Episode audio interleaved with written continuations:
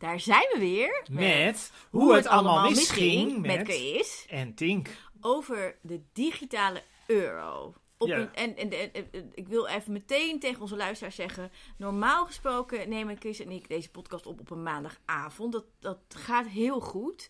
Ehm, dat doen we s'avonds eh om 9 uur, tot, tot van 9 tot 10, half 11, zoiets. En daarna Zoiets. drinken we heel veel wijn. En dit gaat heel goed. Dan praten we na. Daar kunt u ook aan meeluisteren via eh, petjeaf.com slash hoe het allemaal misging.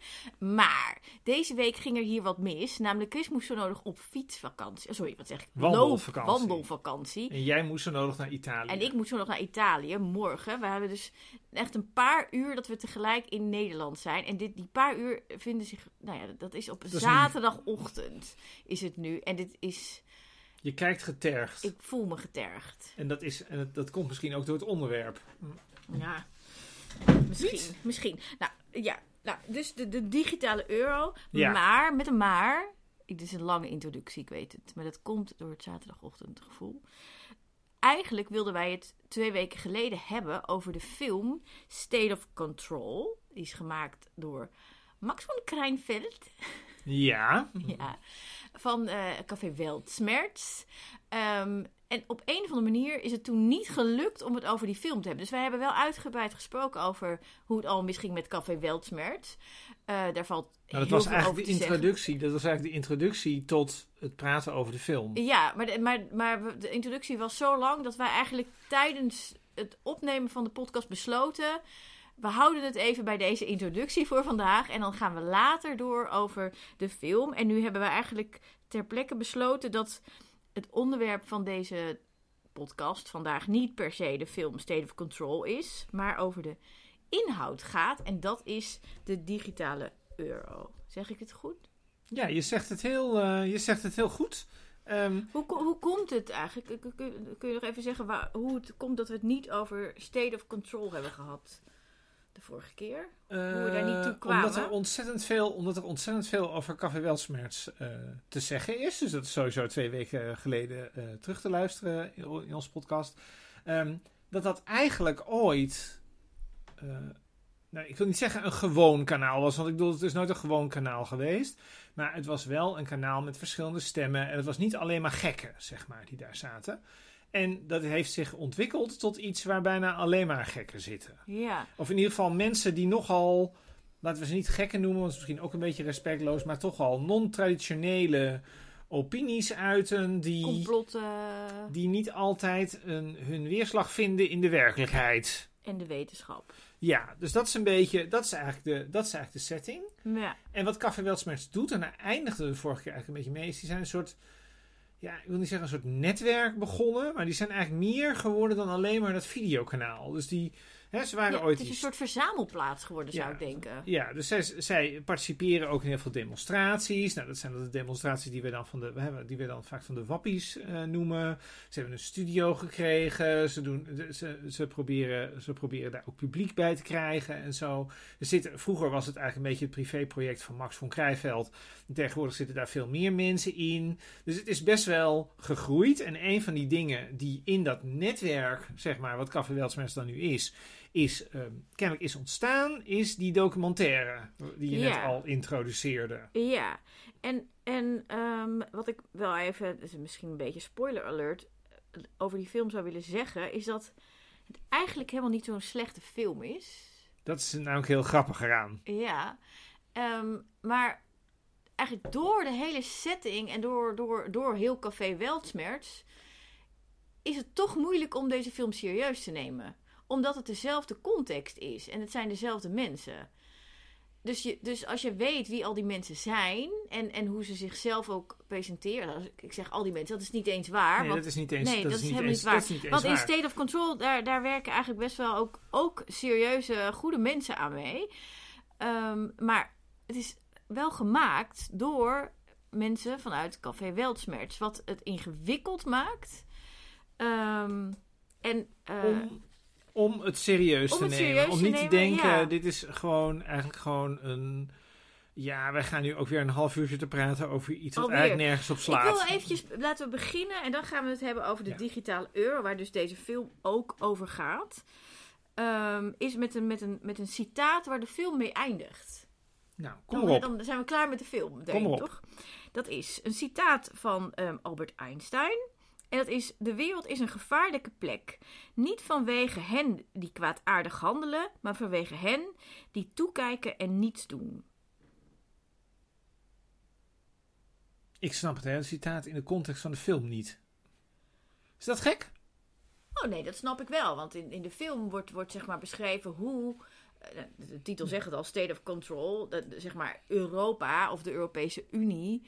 ehm, al onze privacy wegneemt. En, en eh, helemaal gaat beheersen hoe wij ehm, handelen. Waar wij, hoe wij bewegen, waar wij naartoe bewegen. Hoe wij met ons geld omgaan, et cetera. Toch? Ja, dat is wel grappig, want ik laat Express jou nu introduceren waar die film over gaat. Ik denk dat, dit, denk dat dit inderdaad de bedoeling is wat mensen oppakken van de film. Ja, toch? Ja, ik denk dat dit de boodschap van de film is en die is onzin. Eh, Interessant, hè? ja, de ja. gemiddelde luisteraar kan inmiddels helemaal niets meer, Nee. kan inmiddels niets meer van volgen. Want is dit nou een goede film of niet? Maar we, eigenlijk, we moeten eigenlijk even terug naar wat is, nou het, wat is nou de aanleiding om die film te maken? Nou, dat weten wij natuurlijk niet, want wij zijn niet zo on speaking terms met eh, de makers. Tenminste, dat Nou, denk ik. Jij niet. Oh, Jij de wel? makers. Oh, de makers. en dat makers. is natuurlijk Max von Kreinfeld. Ehm, eh, die onlangs nog probeerde mij over te halen om iets voor Café Weltschmerz te doen. En mijn antwoord was nee.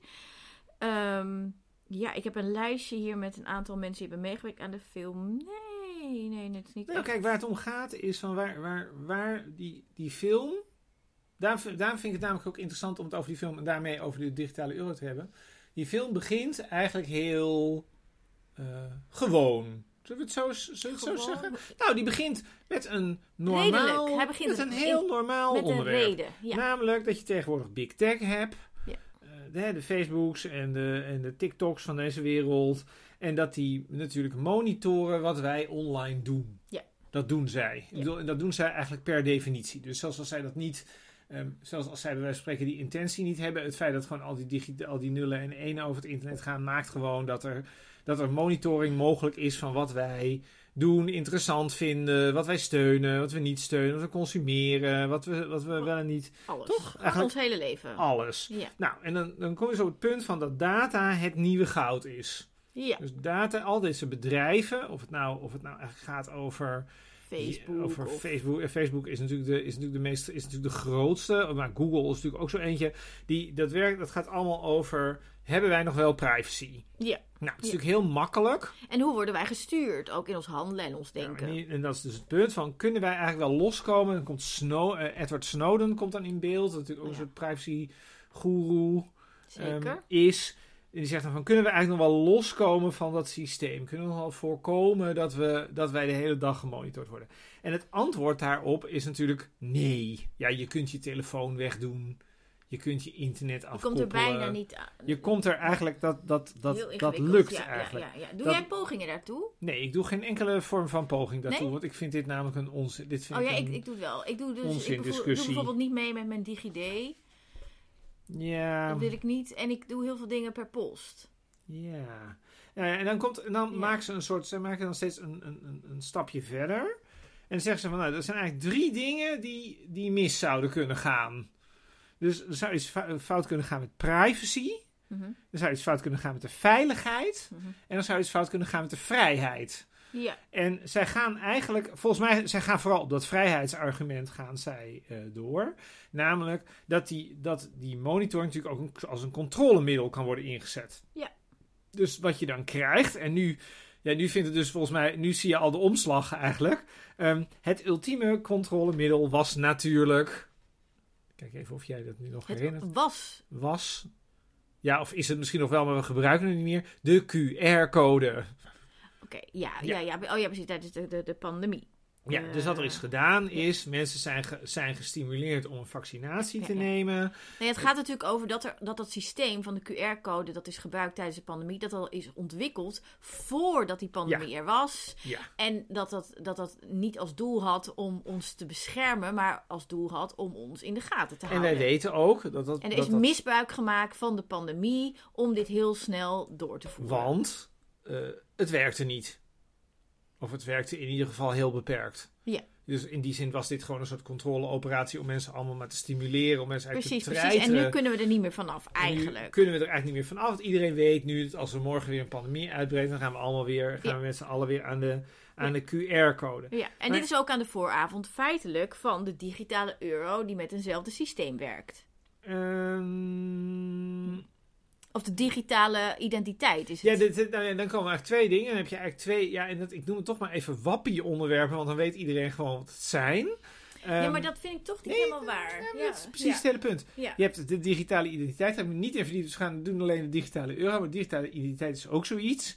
Dat je, alle, dat je alles, dat zit trouwens in die film, dat je alles eh, samen in één profiel kunt wil krijgen. zeggen, want het is natuurlijk ook aan elkaar gekoppeld. Ja, het is allemaal aan elkaar gekoppeld. Dus wat je dan kunt doen, is dan kun je je mediagedrag en je uitgaven en je vaccinaties en je, weet ik van wat, het wordt er allemaal nog meer, al je persoonsgegevens van de burgerlijke stand. Je kunt dat natuurlijk in theorie, kun je natuurlijk Ja. allemaal in één groot systeem stoppen. Ja. En daarmee heb je dus weer problemen met je privacy, Nou ja, we hebben de ook... veiligheid, eh, want het kan gehackt worden. En je hebt een veiligheidsprobleem, een vrijheidsprobleem, omdat precies. mensen je daardoor kunnen monitoren. Ja, en we hebben zeg maar na de, eh, de film State of Control allebei nog een film, of niet een film, een interview gekeken met Mahir Al-Qaeda. Kaya. Oh, ik, ik, ik spreek zijn naam het verkeerd uit, sorry Mahir. Ehm, van de SP. Eh, die is geïnterviewd bij Blackbox TV. Zeker. Ehm, en die heeft een boek geschreven. eh, Van wie wordt ons geld? van wie wordt ons geld? Dat heb jij gelezen, ik niet. Ehm, en hij heeft het er wel over dat als we het dan hebben over die digitale identiteit en de digitale euro, die zijn volgens mij voor een groot deel echt aan elkaar gekoppeld. Dus dat is het idee dat dat, dat het gaat gebeuren. En hij heeft het dan over situaties waarin bijvoorbeeld mensen die een uitkering krijgen, die krijgen dat uitgekeerd in die digitale euro. En dan kan er eh, vooraf bepaald worden waaraan die uitkering mag worden uitgegeven. ja, even- als ik het even heel flauw zeg. Hè, dus je hebt, die, je, hebt, je hebt Facebook. Facebook stuurt ons naar allerlei, naar bepaalde inhoud en niet naar andere inhoud. Dat Ja. doen ze nu. Je zou kunnen zeggen, in theorie zouden we nog iets anders kunnen zoeken. Maar daar zit al een soort sturing in. En eigenlijk dit hele systeem. Dat, wordt een soort, dat zou een soort controlesysteem kunnen worden. Waarbij de hele tijd tegen mensen zegt. We willen dat je dit doet of we willen dat je dat doet. Ja. Dus die digitale euro is daar eigenlijk het beste voorbeeld van. Ja. Ehm, die digitale euro, die zou je, die zou eigenlijk. Nou, je zou eigenlijk. ehm, hoe moet je dat zeggen? Ja, je moet eigenlijk voorwaarden. Je gaat dan eigenlijk voorwaarden verbinden. aan dat mensen geld ergens aan uit mogen geven. Dat is wat je Precies, eigenlijk precies. Dus doen. je krijgt een uitkering, maar je mag het alleen besteden aan eten en je huur. Je mag er niet van naar de Efteling, zeg maar even iets. Ja.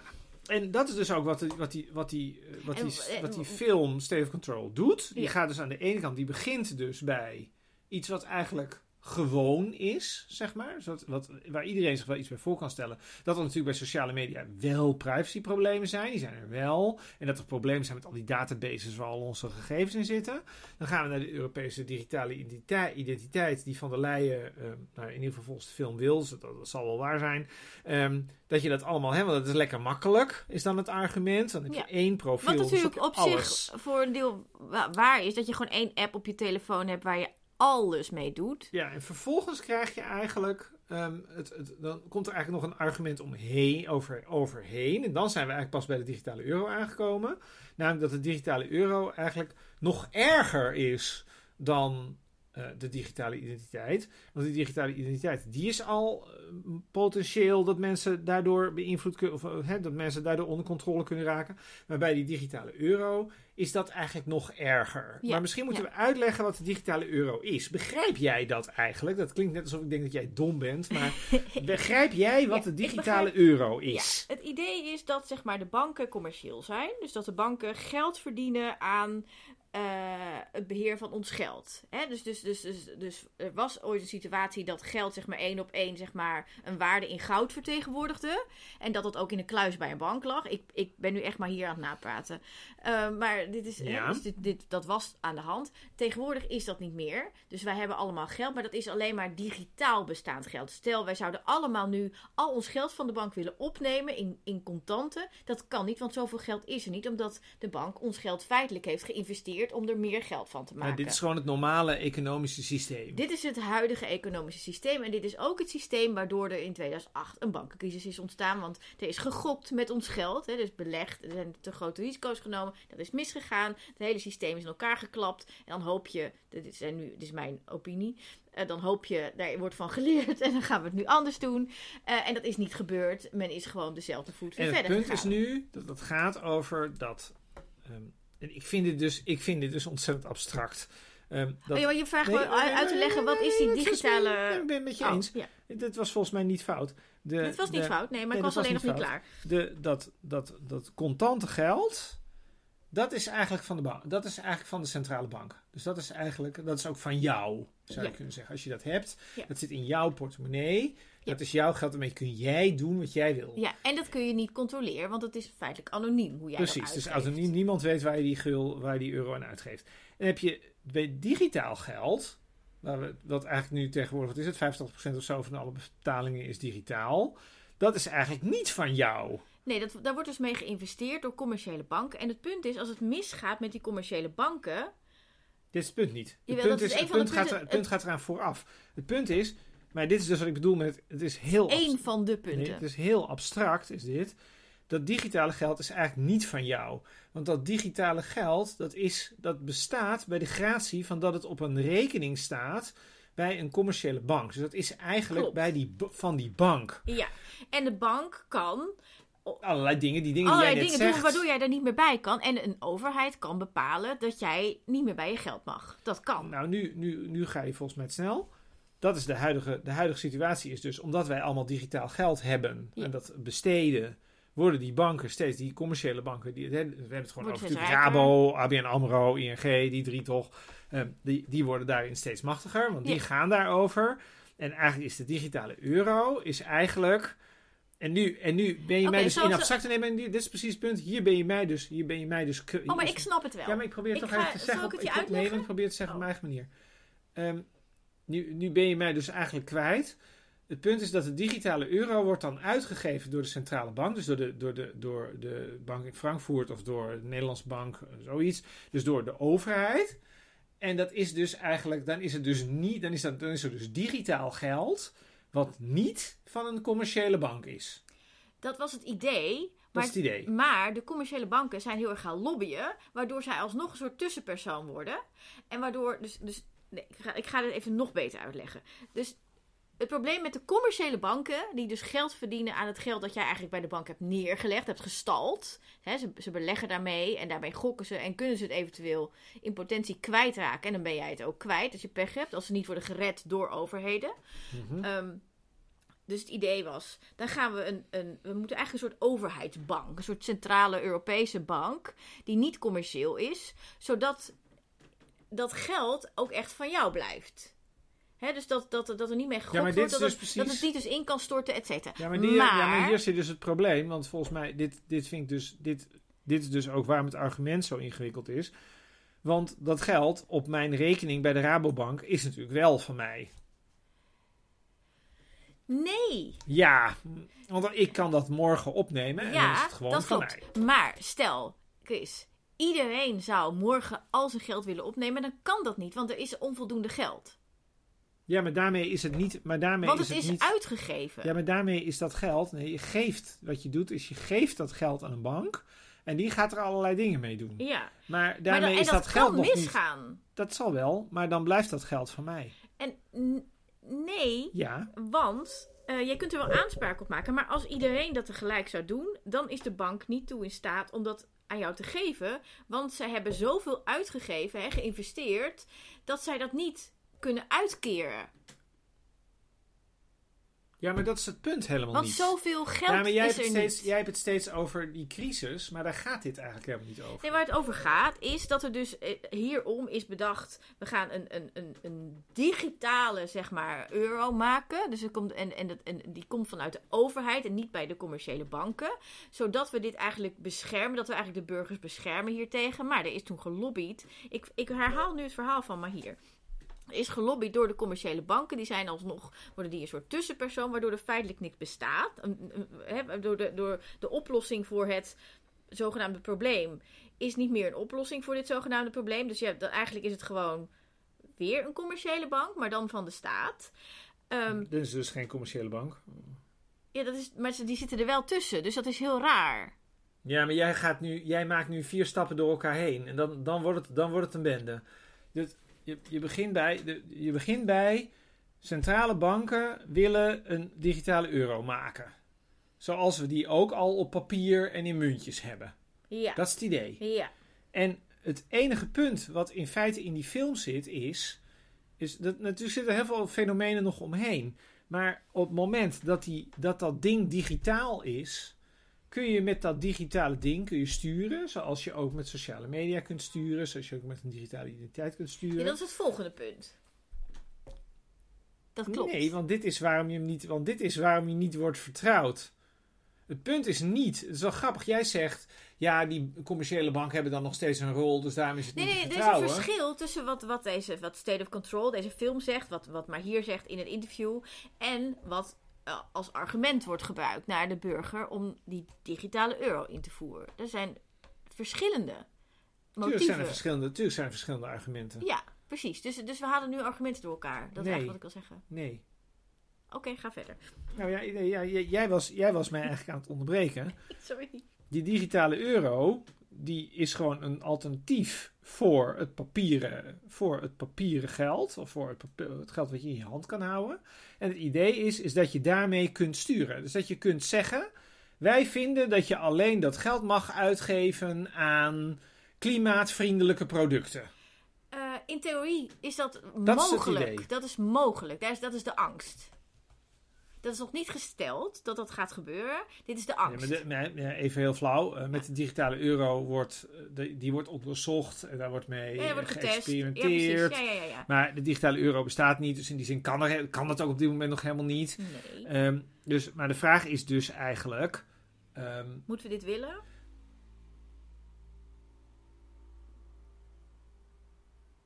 dat is een mooie stilte. Ja. Ehm, Ik denk ook van niet.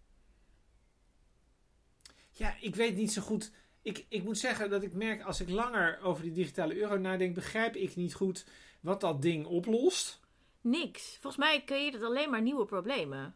Ja, maar het is ook niet helemaal waar, want daar gaat hij, en dat is precies waarom ik het een wappie, eh, waarom ik het een wappie eh, toestand vind. Ben ik nou vandaag een wappie? Ja, je bent een wappie geworden, ja. wappiekant? Met een wappie geworden. Misschien dat Max mij daarom belde. Ja, het punt is namelijk, je moet gewoon kijken naar wie zit er nou, hè, want het, het, het argument is dus, eigenlijk de, van die film is, ehm, door die digitale euro gaan ze ons straks allemaal vertellen wat we wel en niet mogen doen. En dan krijg je eigenlijk één groot controlesysteem en dan komt het allemaal in de digitale Europese identiteit.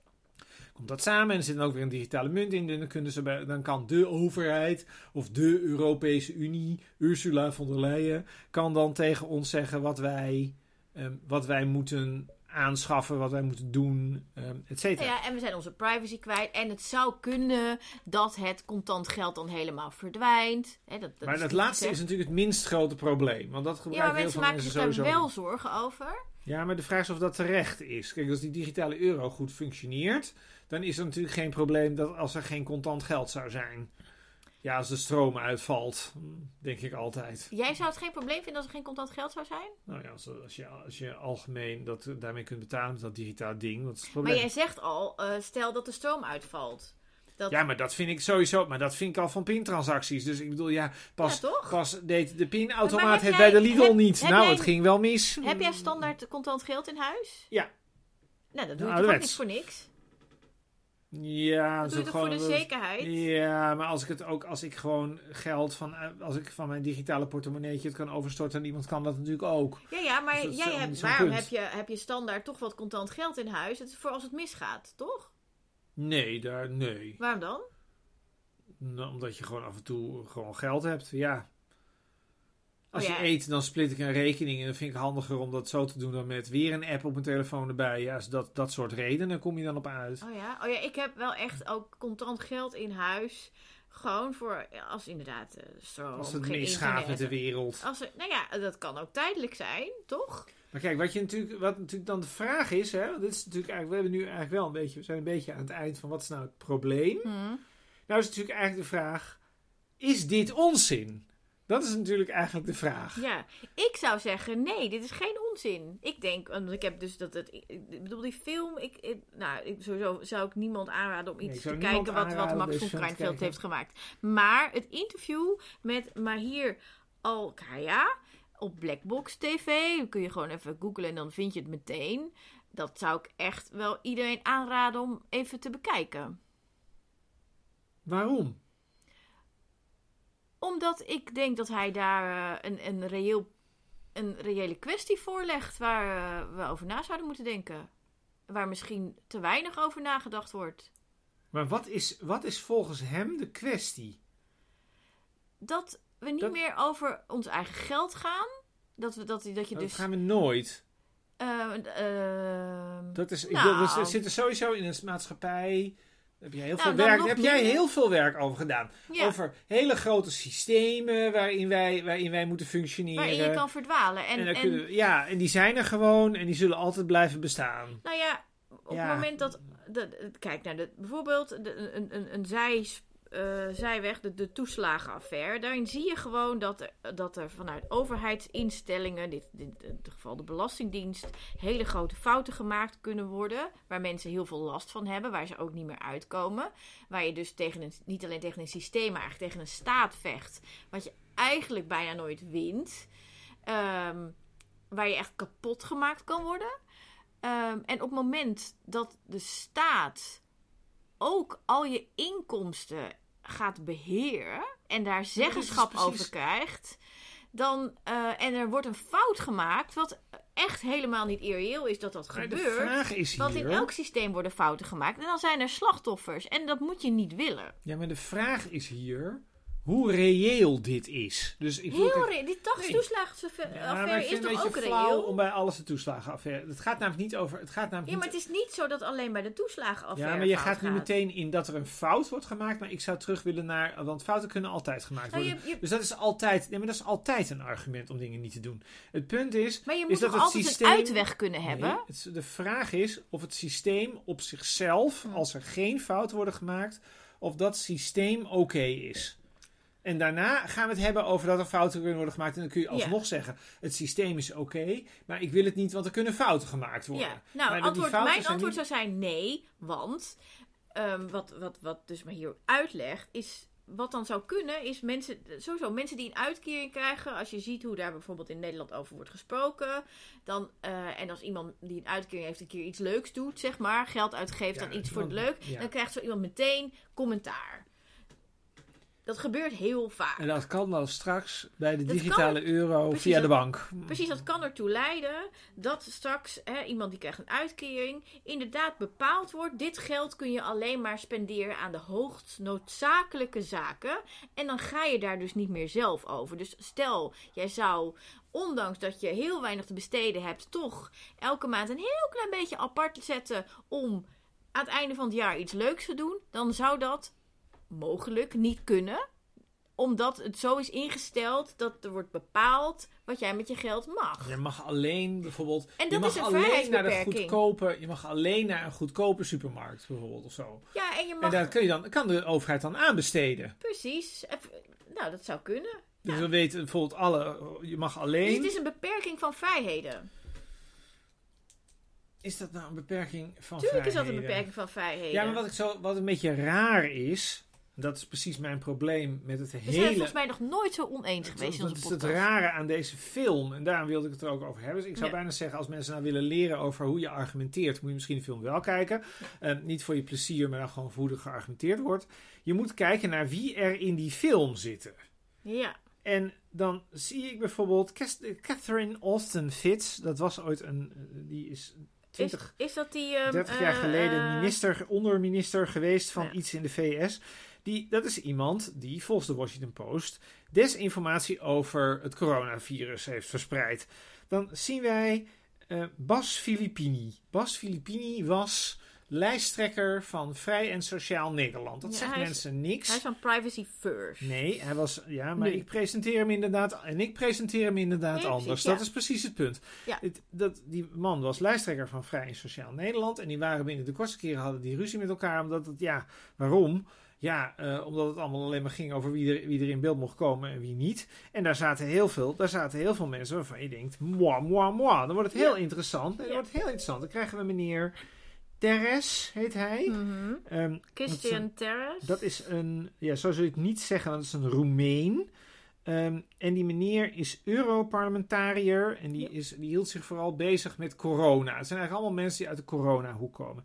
Deze meneer komt uit Roemenië, die vergelijkt Trudeau, waar ook een keer een of andere privacy eh, Ja, met die speelde. vrachtwagens. Die zijn, eh, die, die- waar, waar vrachtwagens die gingen demonstreren tijdens de, de, de pandemie. Eh, ze gingen een, een brug blokkeren. En ik geloof dat ze er twee, drie dagen hebben gestaan. En toen zijn al hun bankrekeningen bevroren om ze daar weg te krijgen. Ja, en dat wordt als voorbeeld Meneer genoemd. Ja. Terres vergelijkt dit met Ceausescu. Dat is die meneer die Ja. in ehm, eh, Roemenië dictator was en toen uiteindelijk in, wat is het, 89 is... eh, Maar is het is wel... Nee, nee, wacht even. En dan hebben we die meneer Terres. Die Ja. zit in... eh, Die is dus Europarlementariër. En die zit in ECR. Dat zegt mensen in Nederland helemaal niks. Maar dat is zo'n Europese... Dat is een Europese partij, zeg maar... Waar verschillende nationale partijen bij zitten. En vanuit Nederland zitten bij ECR... Ja 21, voorheen Forum voor Democratie en eh, de SGP. Dat natuurlijk allemaal verder allemaal prima. Maar het zegt iets over wie deze mensen zijn. ja, maar wacht Ja. even. Maar nu is het punt. Is wat zegt meneer Teres nou precies? Wat wordt er nou precies? Wat is nou de, de, ehm, wat is nou precies de stelling die wordt betrokken?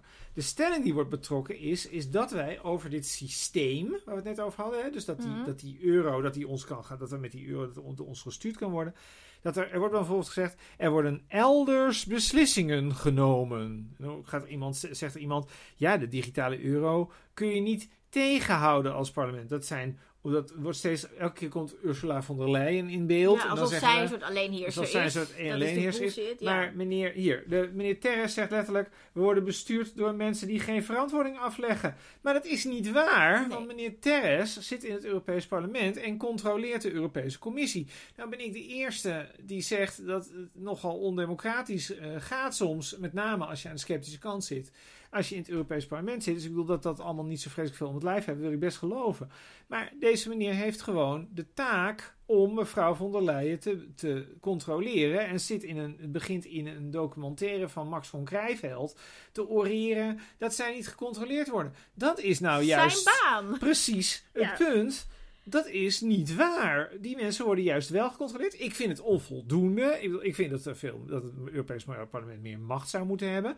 Het, Eu- dat vindt ECR overigens niet. Dat is ook wel weer heel interessant. Ja, Dus er wordt een soort spookbeeld geschapen van een soort Europese Unie met een Europese centrale bank. Waar we natuurlijk niet zoveel invloed op hebben. Dat is natuurlijk waar. Maar de, dat, de- alsof we dat niet meer, alsof dat oncontroleerbaar is, alsof het een soort leven van zichzelf aan het, aan het eh, hè, een soort heeft. monster waar we geen invloed op En hebben. dat ja. is gewoon feitelijk niet waar. Ja, dat klopt. Wij hebben in Nederland, ik, bedoel, ik zou bijna zeggen, vraag het Pieter Omzicht en consorten na.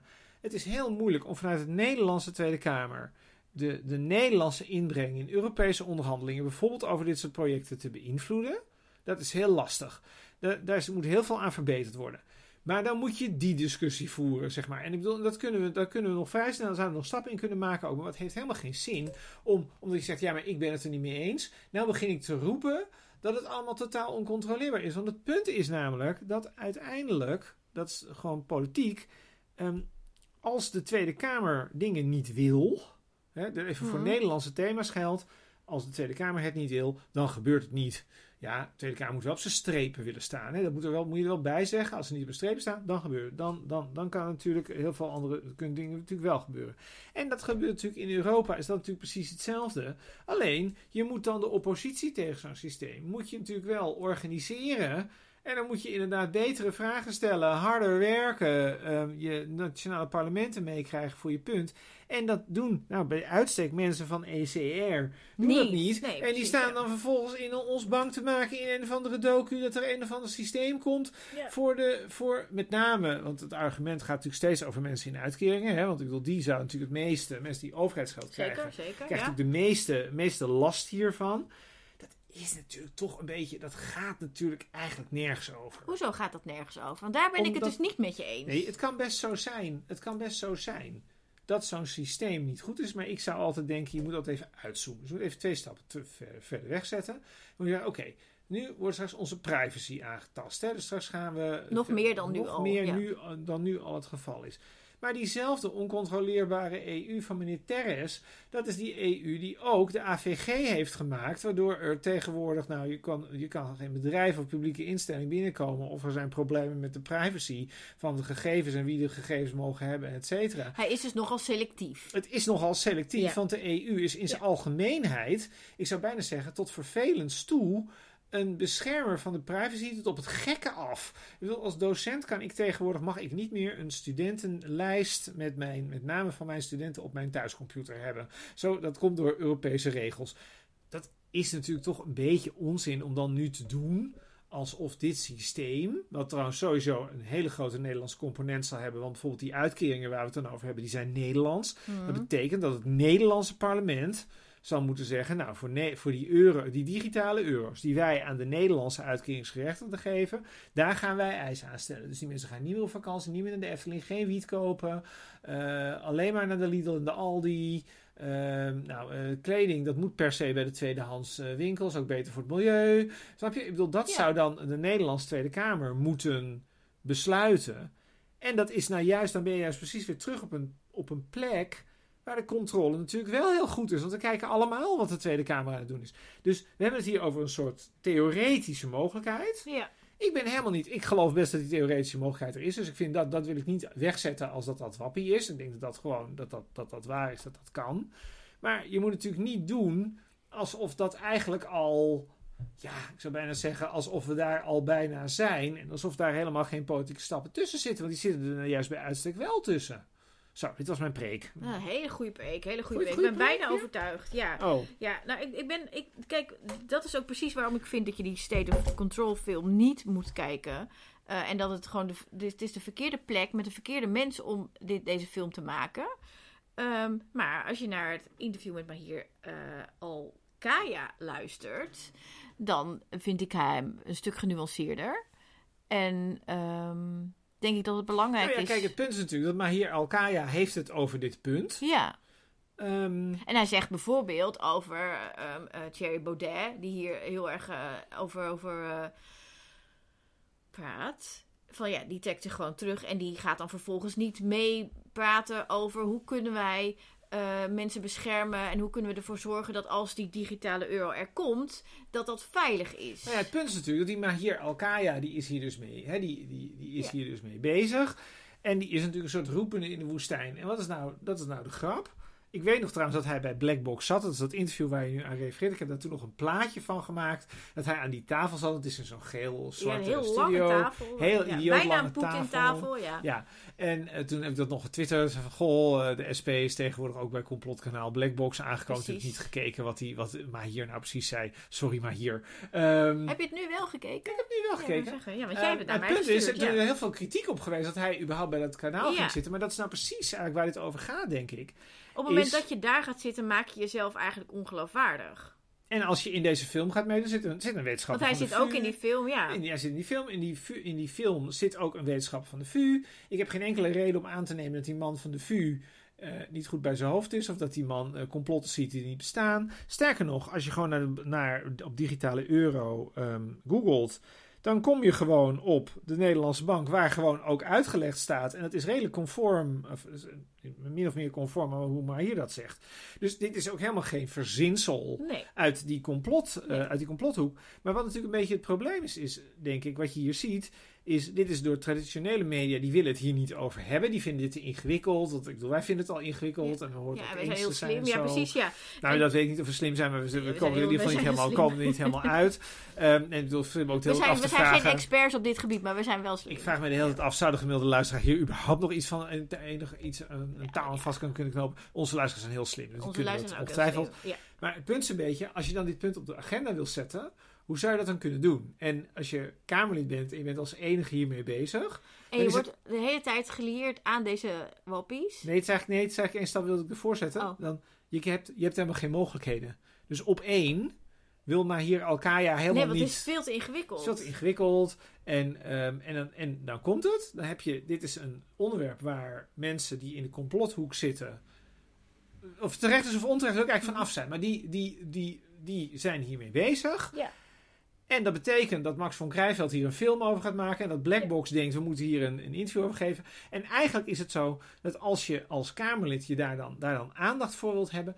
Die, je kunt je natuurlijk ook afvragen of maar hier Alkaya überhaupt ergens anders Precies, zou misschien is het wel zitten. de enige opties om dan maar bij Max en bij eh, Blackbox te gaan zitten. Ja, dus ik vond eigenlijk dat is dan achteraf weer wel ben problematisch. ik van eh, mening veranderd. Oké. Ik ben van mening veranderd. Ik dacht eigenlijk, ja, als niemand dat verhaal wil horen, dan snap ik eigenlijk wel dat maar hier Alkaya bij Blackbox gaat zitten. Dat snap ik eigenlijk wel. En dat snapte ik eigenlijk aanvankelijk niet. Oh ja, dat, ik snap het ook wel. Ehm, ja, ik snap het ook wel. Nou, we, we- de- de- ik, eh, we gaan hier straks over doorpraten. Daar ga ik straks over doorpraten, maar hier heeft ook een boek geschreven. Ja, U gaan we kunt dat eh, volgen. We gaan dat niet eh, elke uitzending, elke vijf minuten zeggen. Maar u kunt dat volgen door uw Ja. petje voor ons af te doen. Iets aardigs te geven. op petjeaf.com slash hoe het allemaal misging. En je kunt daar een donatie doen. En in ruil daarvoor krijg je toegang tot onze nagesprekken. Je- de- het format wordt nog ontwikkeld, Ja. overigens. Dan gaan we nu iets aardigs Ik zeggen. ga iets aardigs zeggen. Ik wil toch iets aardigs zeggen over Mahir Alkaya. Want ik ik wel, voel ja. mij toch. Ik wilde voel dat ook. En toen dacht ik, Chris gaat het vast doen. Ik voel mij toch schuldig dat ik dacht, ik, heb zo onaard, ik was zo onaardig om toen Op Twitter eh, bedoel te- je? op Twitter, al maanden geleden, maar hier Alkaya vind ik helemaal niet erg. want ligt nog steeds van dikke- wakker. Dat Nee, jij hele dikke huid. Als je als Kamerlid geen dikke huid hebt, ben je sowieso totaal ongeschikt voor je werk. Dus, ehm eh nou, toen toch een beetje gezegd van ja, dat, ik weet eigenlijk niet wat ik precies erover getwitterd heb, maar toch een beetje van dat dit niet kon. En nu dacht ik opeens van ja, maar weet je, als we natuurlijk, wij hebben in Nederland heel veel media die allemaal op dezelfde onderwerp gaan zitten. Hè. Dat van de week, dat was het Carolien van der Plas, die dan iets Oh, over ja. Zelensky zegt en zo. Iedereen, Iedereen, alleen maar, alle programma's over Zelensky. En het enige wat je denkt is, zou het nou niet, zijn er nou niet andere onderwerpen in deze wereld die misschien eens een keer aandacht behoeven? Het antwoord is ja. Ja. En een hele hoop media trekken daar hun neus voor op. En dan snap ik dat je, ehm, dan is het eigenlijk helemaal niet zo gek om bij Blackbox te zitten. En trouwens, dat interview van Blackbox is ook helemaal niet, ik vind het niet echt een heel goed interview. Maar dat ligt meer aan Het de is interviewer. duidelijk. Daar Het is wel een helder Ja. verhaal. Maar hier is Dus een goede mijn, spreker. mijn excuses, maar hier Alkaya, dat ik ooit heb gezegd dat je daar niet mocht zitten. Ehm, je, hebt het goed, eh, je hebt het goed gedaan. Nou, ik wil iets aardigs zeggen dan over Ali Niknam. En Ali Niknam is ehm, de man die eh, een bank heeft opgericht. Het is Bunk, B-U-N-Q. Eh, volgens mij ongeveer tien jaar geleden. Dit is het eerste jaar dat ze winst hebben gedraaid. Hij heeft het helemaal met eigen geld gedaan. En ik wil het er even over hebben, omdat we hebben het altijd natuurlijk net over de commerciële banken. Ehm, hij heeft eh, Bunk opgericht eigenlijk na de, de commerciële crisis. Met het idee, ja, dan is er dus een crisis, een bankencrisis. En die is ontstaan doordat eh, commerciële banken excessief hebben gegokt met ons geld. Ze hebben daar grote risico's genomen in beleggingen. En daardoor is alles in elkaar gestort. Dan zou je wensen dat na zo'n crisis ehm, alles verandert. Dat we het anders gaan aanpakken. Dat we dat, dat, dat met meer zekerheid inbouwen, et cetera. En dat is niet gebeurd. En toen heeft hij zijn eigen bank opgericht. En ik zeg dat nu heel makkelijk, maar dat is natuurlijk echt geen kattenpis. Hij heeft er een boek over geschreven. Dat heet eh, Breken met banken. Dat zou ik iedereen aanraden om te lezen. En hij eh, heeft dus een bank opgericht met het idee: wij gaan niet gokken met het geld van mensen. En ehm, dat gaat heel goed. Het is nu aan bijna heel Europa bestaat Bunk. En eh, ze gaan nu uit bij de, in de Verenigde Staten. Ehm, ik ben er zelf nu zes jaar bij ongeveer. En wat ik het leukste vind is dat bij elke 100 euro die ik uitgeef... dat er een boom voor me wordt geplant. Maar ik, ik ben gewoon echt heel erg fan van... Ik ben fan van een wordt hier niet voor betaald. Ik word hier niet voor betaald. En, en ik vind Ali Niknam echt een held. Google deze man, koop dat boek, Breken met banken. En ehm, ja, stap over naar deze enige bank die het wel goed doet, zou ik zeggen.